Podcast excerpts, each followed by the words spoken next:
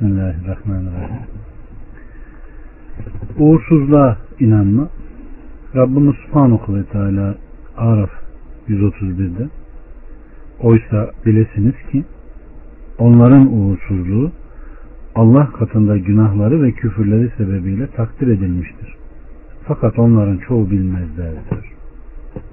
Yine Rabbimiz Subhanahu ve Teala Yasin 19'da sizin uğursuzluğunuz sizinle beraberdir diyor. Aleyhissalatü Vesselam Efendimiz bulaşıcılıktan ileri gelmek diye bir şey yoktur. Uğursuzluk yoktur. Baykuş da uğursuz değildir. Ve uğursuz ay da yoktur buyurmuştur. Bunu Bukhari ve Müslüm nakletmiştir. Yine Müslüm'de gelen rivayette ne neve dedikleri yağmur ve fırtınaları yapan bir yıldız vardır ne de gul yabani diye bir yaratık vardır buyurmuştur. Yine kardeşlerim Buhari ve Müslüm'de gelen bir rivayette Aleyhisselatü Vesselam Efendimiz bulaşıcılıktan ileri gelme yoktur, uğursuzluk yoktur, ben iyimserlikten hoşlanırım. İyimserlik nedir dediklerinde güzel sözdür buyurmuştur. Yine Aleyhisselatü Vesselam Efendimizin huzurunda uğursuzluktan söz edildiğinde kendisi en iyi iyimser olmaktır. Bu Müslümanı etkileyip yapacağı işten vazgeçirmez. Sizden biriniz hoşlanmadığı bir durumla karşılaşırsa şöyle dua etsin. Allah'ım iyiliği veren ancak sensin. Kötülüğü def edip giderecek de ancak sensin. Bize senden başka güç ve kuvvet verecek de yoktur değil. Amin ya Rabbi. Bu hadis-i şerif Ebu Davud'da İbn Ebu Şeybe'de geliyor. Yine İbn Mesud'dan gelen bir rivayette Allah Resulü Aleyhisselatü Vesselam uğursuzluğa inanmak şirktir. Uğursuzluğa inanmak şirktendir. Hepinizin kalbinden böyle şeyler gelip geçebilir. Fakat Allah kendisine tevekkül ile onu uzaklaştırır diyor. Allah bizleri böyle belaya düşmekten beri buyursun kardeşlerim. Bu hepimizin kalbine gelebilir ama Allah'a tevekkül edenden Allah bunu uzaklaştırır. Yine Allah'ın Resulü Aleyhisselatü Vesselam kim uğursuzluk olduğuna inanarak yapacağı işten vazgeçirse vazgeçerse şirke girmiş olur. Peki bunun kefareti nedir diye sorduklarında Allah'ım senin hayrından başka hayrız yoktur deyip senin dileyip takdir ettiğinin dışında ileri gelen bir şey yoktur. Senden başka ilah yoktur deyin buyurmuştur. Yine uğursuzluk istenmeden kalpten geçiveren değil ancak seni bir işe sevk eden ya da iyimserlikten alıkoyan şeydir buyurmuştur. Dikkat edecek olursak kardeşlerim demek ki bir şey sirayet ederek geçmez. Uğursuzluk yok. Baykuşun ötmesi uğursuzluk değil. Veya uğursuzluk bir ay da yoktur. İyimserlik ise bunlar gibi reddedilmesi bir tarafı aksine müstahap olan şeydir. İyimserlik de güzel söz söylemektir. Demek ki bizim kalbimizden geçebilecek uğursuzluk gibi şeyler kötülüğüyle beraber zarar vermezler. Aksine kişinin tevekkülü sonucu Allah onları giderir. Allah bizi ihlaslı kullardan eylesin. Uğursuzluğa inanmakta çok açık bir şirktir. Yapan da müşrik olur. Rabbim bizleri mağfiret etsin. Müneccimlik yapmak Bukhari'nin sahihinde gelen bir rivayette Katade dedi ki Allahu Teala bu gördüğünüz yıldızları şu üç şey için yarattı.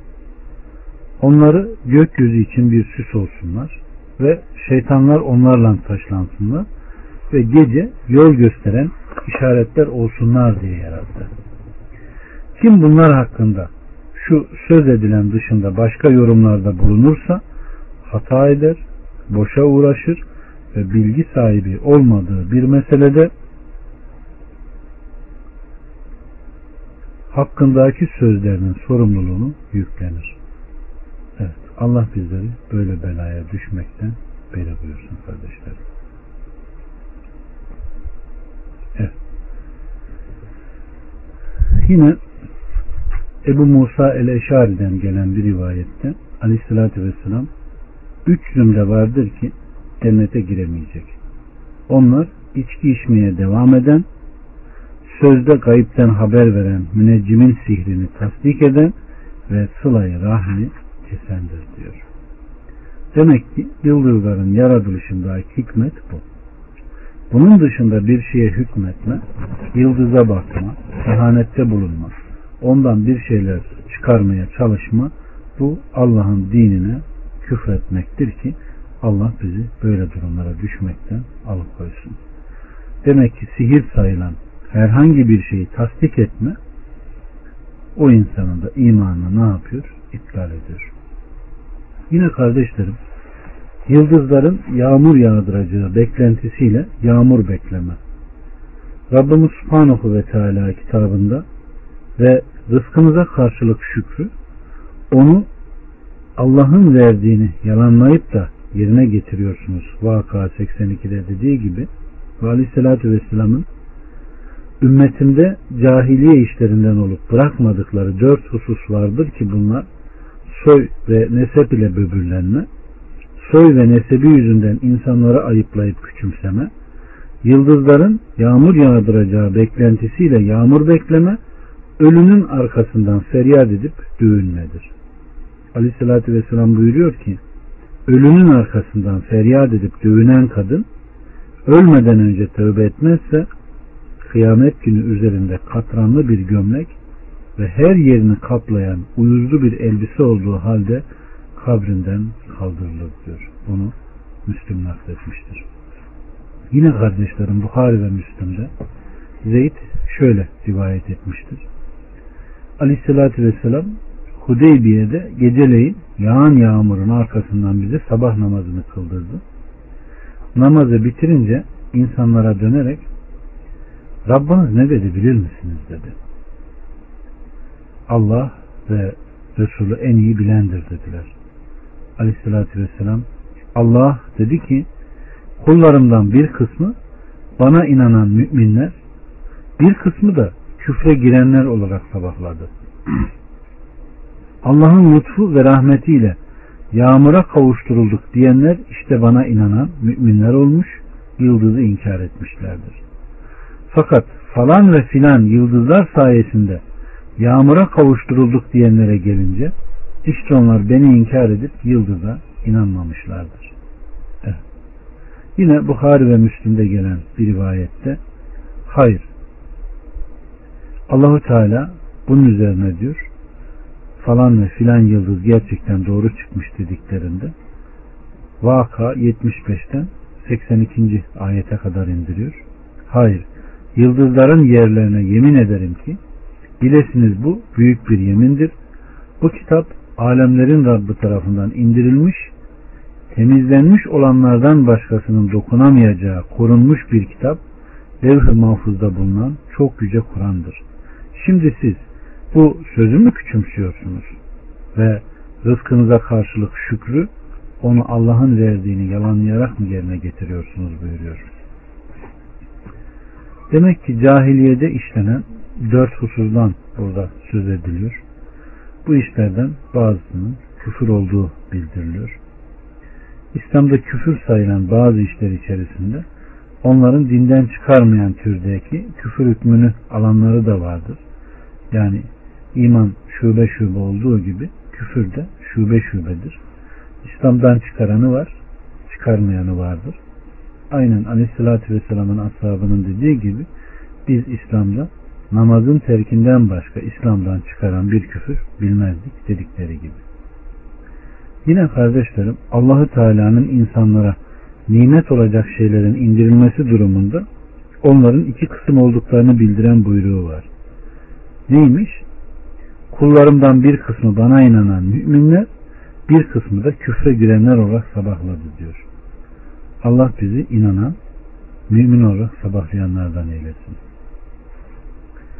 Nimeti Allah'ın lütfu rahmeti olarak ona nispet etmek iman, demek olduğunu hiç hatırdan çıkarmayalım. Yine nimeti Allah'tan başkasına nispet etmede küfre girmek, girmek demek olduğunu da hatırlayalım. Evet. Falan ve filan yıldız gerçekten doğru çıkmıştır sözü gibi söyleyip de dinden çıkanlardan olmayalım. Evet. Yine her şeyin üstünde Allah'ı sevme. Rabbimiz Subhanahu ve Teala Bakara 165'te İnsanlardan kimileri de Allah'tan başka Allah'ı sevdikleri gibi sevdikleri benzerler icat ederler. Yine Rabbimiz Subhanahu ve Teala Tevbe 24'te de ki eğer babalarınız, oğullarınız, kardeşleriniz, eşleriniz, kabileniz kazandığınız mallar kesada uğramasından korktuğunuz ticaret, hoşlandığınız evler size Allah'tan ve Resulünden ve Allah yolunda cihad etmekten daha sevgiliyse artık Allah'ın emri gelinceye kadar bekleyin buyurmaktadır. Enes'ten gelen bir rivayette Allah kendisinden razı olsun. Aleyhissalatü Vesselam Efendimiz şöyle buyurmuştur. Ben kendisi için çocuğundan, babasından ve bütün insanlardan daha sevgili olmadığım sürece hiçbiriniz iman etmiş sayılmazsınız buyurmuştur. Yine Bukhari ve Müslüm'ün naklettiği bir rivayette Aleyhisselatü Vesselam Efendimiz üç şey kimde bulunursa bu üçüyle imanın tadına varmış olunur. Allah ve Resulünün kişiye başka her şeyden daha sevgili olması, kişinin birini sevdiğinde onu yalnız Allah için sevmesi ve Allah kendisini küfürden kurtardıktan sonra küfre geri dönmeyi ateşe atılmak kadar kötü bulması. Yine bir rivayette şunlar olmadıkça hiç kimse imanın tadına varmış olamaz demiştir. Yine İbn Abbas'tan gelen bir rivayette sevdiğini Allah için seven, sevmediğini de Allah için sevmeyen, Allah için dostluk eden ve Allah için düşmanlık eden kimse böyle yapmakla Allah'ın dostluk ve himayesine erişir. Kul böyle yapmadıkça namazı, orucu çok bile olsa imanın tadına varamaz. İnsanların dostluk ve kardeşlikleri çoğunlukla dünya işleri üzerinde kurulur olur. İşte bu ise onlara bir şey getirmeyecektir. Allah'ım bizi sevdiğin insanların arasına koy. İbn Abbas ve aralarındaki onları bağlayan tüm bağlarda kopmuştur. Bakara 166. ayetinde müşriklerin kıyamet gününde azabı görünce Allah'tan başka sevip bağlandıkları putlar ile aralarında kopacağı bildirilen bağın sevgi ve dostluk anlamındaki mevedde olduğunu açıklamıştır. Burada dikkat edecek olursanız Aleyhisselatü Vesselam'ın sevgisi candan da, aileden de, maldan da önce gelmesi gerekiyor. Rabbim bunu anlayanlardan eylesin. İmanın kendine özgü bir tadı vardır kardeşlerim. Ona varan olabileceği gibi varamayan da olacak. Allah imanın lezzetini bütün damarlarında hissedenlerden kılsın bizleri. Tabii ki bunun da ameli bir bedeli var. Kalbin Allah'ın dostluk ve himayesine eriştiren dört ameli vardır ki hiç kimse bunlar olmaksın imanın tadını alamaz. Sahabenin insanlar arasındaki gerçek durumunu yansıtan dostlukların ve kardeşliklerin genelde dünya işleri üzerine kurulu olduğuna dair idraki ve onların bütün bağlarını ahirete göre yaptığını görüyorsunuz. Allah sevdiğini Allah için seven, borcunu Allah için yapan, Allah için veren, Allah için alan kullardan eylesin bizleri. Evet. Dört şeyden öte Allah'tan korkma. Aleyküm selam ve rahmetullah. Hoş geldin. Alimran 175'te Rabbimiz Subhanahu ve Teala bakın şöyle buyuruyor. İşte o şeytan ancak kendi dostlarını korkutur. Eğer iman etmiş kimseler iseniz onlardan korkmayın, benden korkun. Yine Tevbe 18'de Rabbimiz Subhanahu ve Teala Allah'ın mescitlerini ancak Allah'a ve ahiret gününe iman eden, namazı dosdoğru kılan, zekatı veren ve Allah'tan başkasından korkmayan kimseler iman eder. Yine Rabbimiz Subhanahu ve Teala Ankebut 10'da insanlardan kimi de vardır ki Allah'a inandık der. Fakat Allah uğruna eziyete uğratıldığı zaman insanların işkencesini Allah'ın azabı gibi tutar. Aleyhissalatü Vesselam Efendimiz de bir sözünde Allah'ı gücendirmek pahasına insanları memnun etmek, verdiği rızık dolayısıyla Allah'ı övmek dururken, ondan dolayı insanları övmek ve Allah'ın sana vermediklerinden dolayı da onları suçlayıp kınamak, imandaki yakinin zayıflığındandır. Gerçekte Allah'ın rızkını ne haris kimsenin hızı celbedebilir ne de bu rızkı istemeyenin isteksizliği onu geri çevirebilir. Ayşe annemizden gelen bir rivayette Allah kendisine rahmet etsin. Aleyhissalatü Vesselam Efendimiz insanları gücendirmek pahasına da olsa Allah'ın rızasını arayan kimseden Allah razı olur ve insanları da ondan razı eder. Allah'tan Allah'ı gücendirmek pahasına insanların rızasını arayan kimseye Allah gücenir ve insanları da ona gücendirir buyurmuştur. Aleykümselam ve Demek ki kardeşlerim burada dikkat etmemiz gereken meselelerden birisi kim seni Allah'tan gayrısıyla korkutuyorsa demek ki o şeytandır. Muhakkak ki şeytan da seni dostlarıyla korkutur.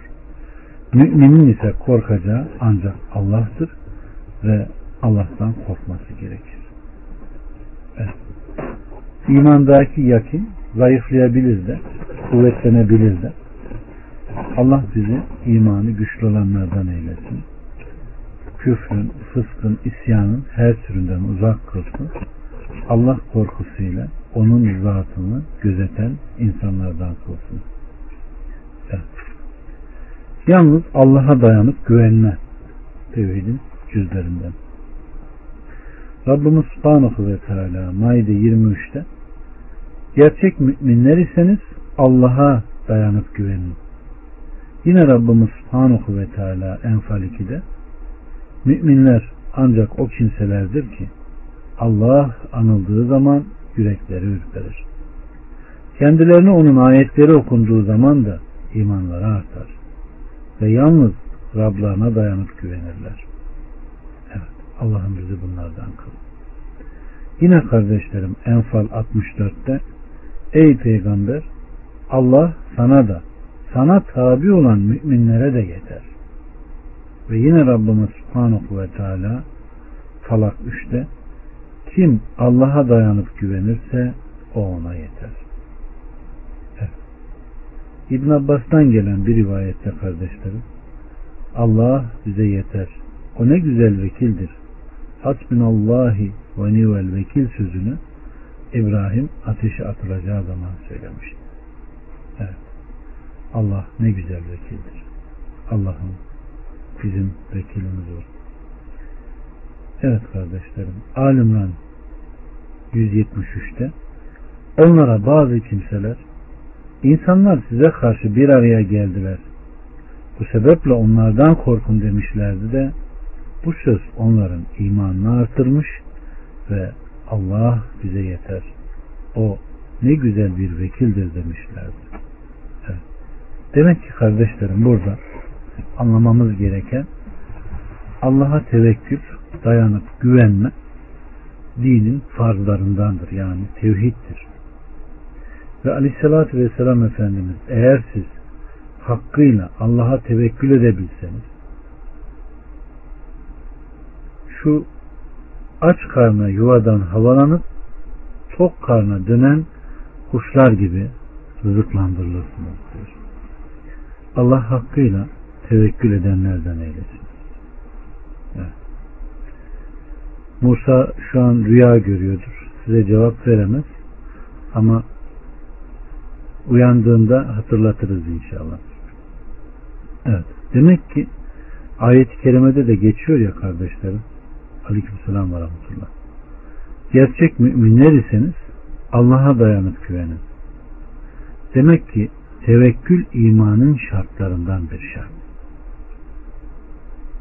Tevekkül imanın şartlarından bir şart ve dikkat ederseniz İbrahim ve Muhammed Aleyhisselamların salatü selam onların üzerine olsun. Rabbim ahirette de görmeyi nasip etsin. Sıkıntı anlarındaki söyledikleri söz neymiş? Hasbunallahi ve ni'vel vekil. Evet. Bu da sünnetullah'tandır. Allah bize yeter. O ne güzel vekildir sözü. Tabi bunu yapmayanlar zıttıyla gündeme gelecek sözler söyler ki bu imanın zıttı olduğu gibi küfürden bir şube ve başlarına gelen belayı kaldırmadığı gibi belayı da ne yapar? Artırır. Evet. Allah'ın rahmetinden ümit kesme yahut kendini onun tuzağından güvende hissetme. Bakın Rabbimiz Subhanahu ve Teala Araf 99'da ne diyor? Yoksa onlar Allah'ın tuzağından emin mi oldular? Halbuki Allah'ın tuzağından hüsrana uğrayan kimselerden başkası kendini güvende bulmaz diyor. Hicr 56'da İbrahim dedi ki Rabbinin rahmetinden sapıklardan başka kim ümidi keser? İbn Abbas'tan gelen bir rivayette kardeşlerim Aleyhisselatü Vesselam'a büyük günahlar nelerdir diye sorulduğunda Allah'a şirk koşma, Allah'ın rahmetinden ümidi kesme ve kendini Allah'ın tuzağında güvende hissetme. Yine İbn Mesud'dan gelen bir rivayette büyük günahların en büyüğü Allah'a şirk koşma, kendini Allah'ın tuzağından güvende hissetme, Allah'ın rahmetinden ümidi kesme. Allah'ın kötülüğü gidereceğini ummama. Evet. Demek ki bunlar da büyük günahlardan Allah bilen sakınanlardan eylesin. Demek ki kendisini Allah'ın tuzağından güvende hisseden kimseler hakkında tehdit büyük. Yine Allah'ın rahmetinden ümidi kesen kimseler hakkında da tehdit şiddetli olarak yapıyor? Gündeme gelir. Aleykümselam ve rahmetullah. Nasıl Allah emekler. Yine Allah'a imanın gereği bir diğer husus da Allah'ın takdirine sabretmektir. Rabbimiz Subhanahu ve Teala Tegabün 11'de Allah'ın izni olmaksın hiçbir musibet isabet etmez. Kim Allah'a iman ederse Allah kalbini doğruya iletir, hidayet verir. Allah her şeyi bilicidir. Allah kalbimizi hakka iletsin, doğruya götürsün, hidayetimizi artırsın.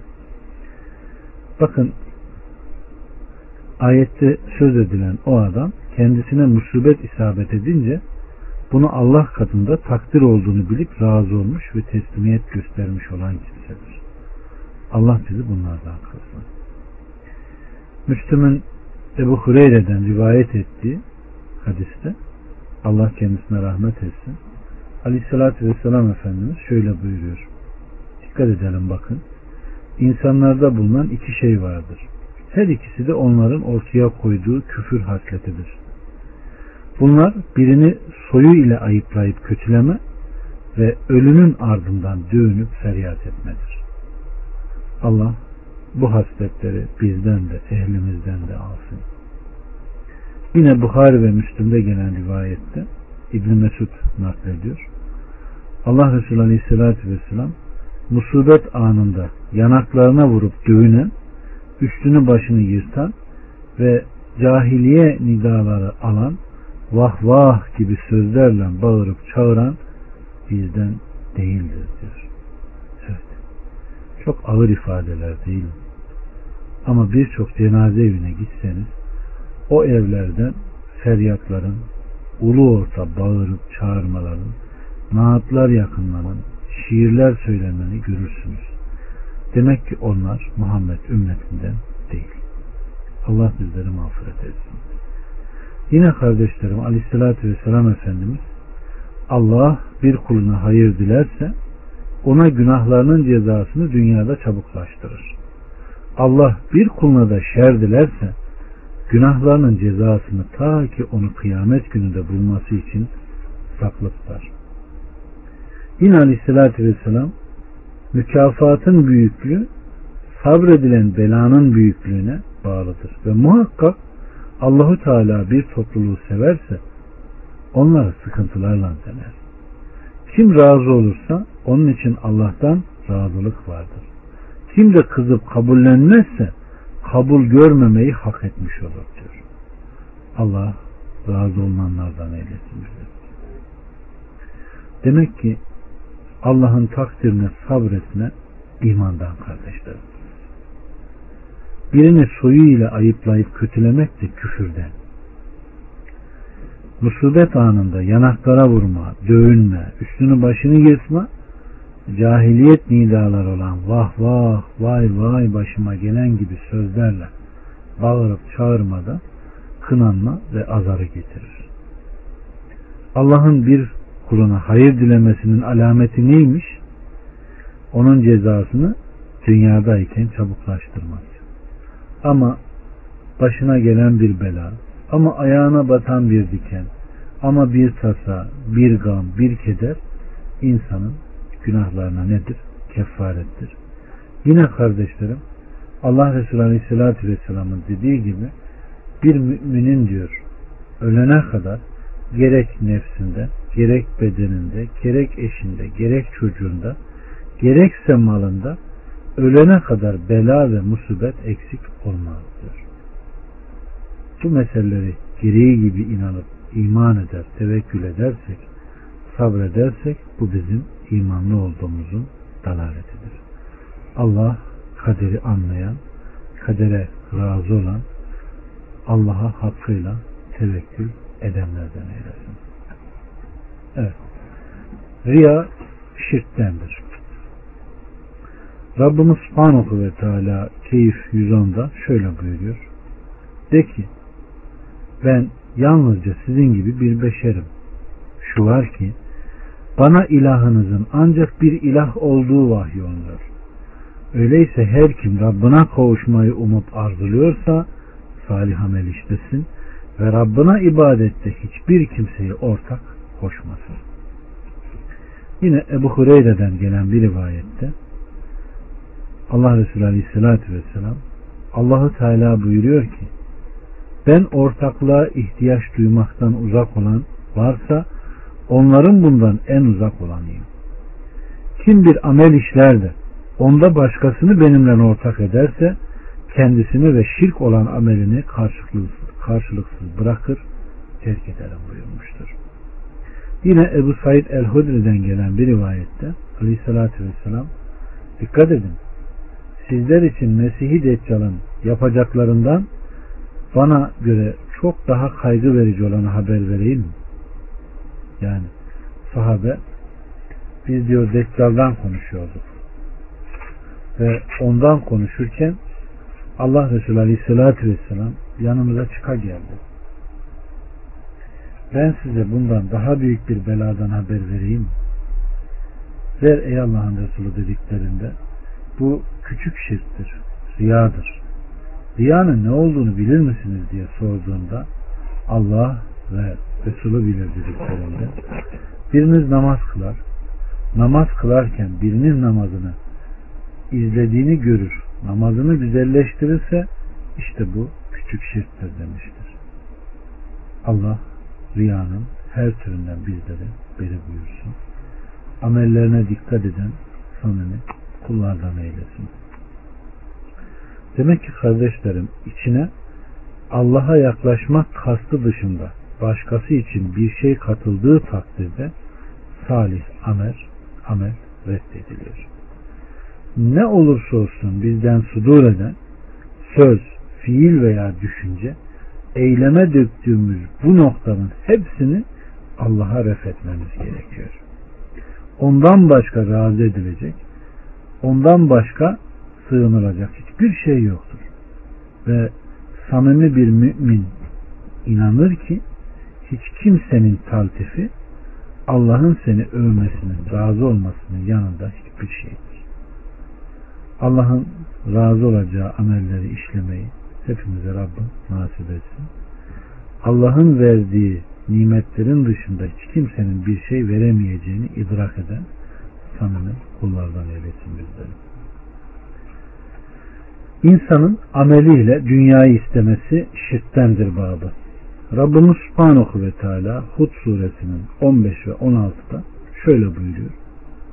Kim dünya hayatını ve zinetini isterse orada onlara işlerinin karşılığı taslaman veririz. Ve orada onlar için hiç eksikliğe uğratılmazlar. İşte onlar ahirette kendileri için ateşten başka hiçbir şeyleri olmayan kimselerdir. Dünyada yaptıkları da boşa gitmiştir. Yapmakta olduğu şeyler zaten batıldır. Ebu Hureyre'den gelen bir rivayette Aleyhissalatü Vesselam Efendimiz bakın dikkat edin gelen ifadelere dinarın kulu helak olsun. Dirhemin kulu helak olsun. Elbisenin kulu helak olsun. Hamile yani döşek ve eşyanın kulu helak olsun. Böylesi istediği verirse hoşnut olur sevinir. Şayet mahrum edilse kızıp öfkelenir. Helak olup yıkılmış ne isterse ters düz olmuştur. Bir yerine diken batsa onu çıkarmaya fırsat bulamazsın. Allah yolunda atının dizginlerini kavrayan Saçı başı dağınık olup ayakları toz toprağa bulanmış o kulun hali neyse ne güzeldir. Nöbet tut denilse nöbet tutar, sür denilse atını sürer yürür. İzin istese buyur edilip izin verilmez. Birine vasıta olup şefaat etse şefaatı kabul edilmez. Evet. Demek ki kardeşlerim insanın ahiret ameliyle dünyayı istemesinin şirkten olduğu ve Hud suresinde bahsedilen ayetin tefsiri bunu gösterdiği Müslüman bir insanın da tutumu sebebiyle dinarın kulu, dirhemin kulu, elbisenin kulu diye isimlendiriliyor ki Allah böyle pis duruma düşmekten bizlere beri buyursun. Hakikaten düşünün Allah'ın kulu ifadesine bakın. Kadının kulu, elbisenin kulu, paranın, dinarın kulu. Bunların hepsi göz önünde görünen şeyler değil mi? Ayağına diken batsa çıkaran bulamazsın diyor. Bir şeyi kaybolsa onu bulamazsın diye Aleyhisselatü Vesselam'ın ona bedduası var. Allah'ın razı olduğun amelleri işlemeyi bize nasip et. Amin ya Rabbi.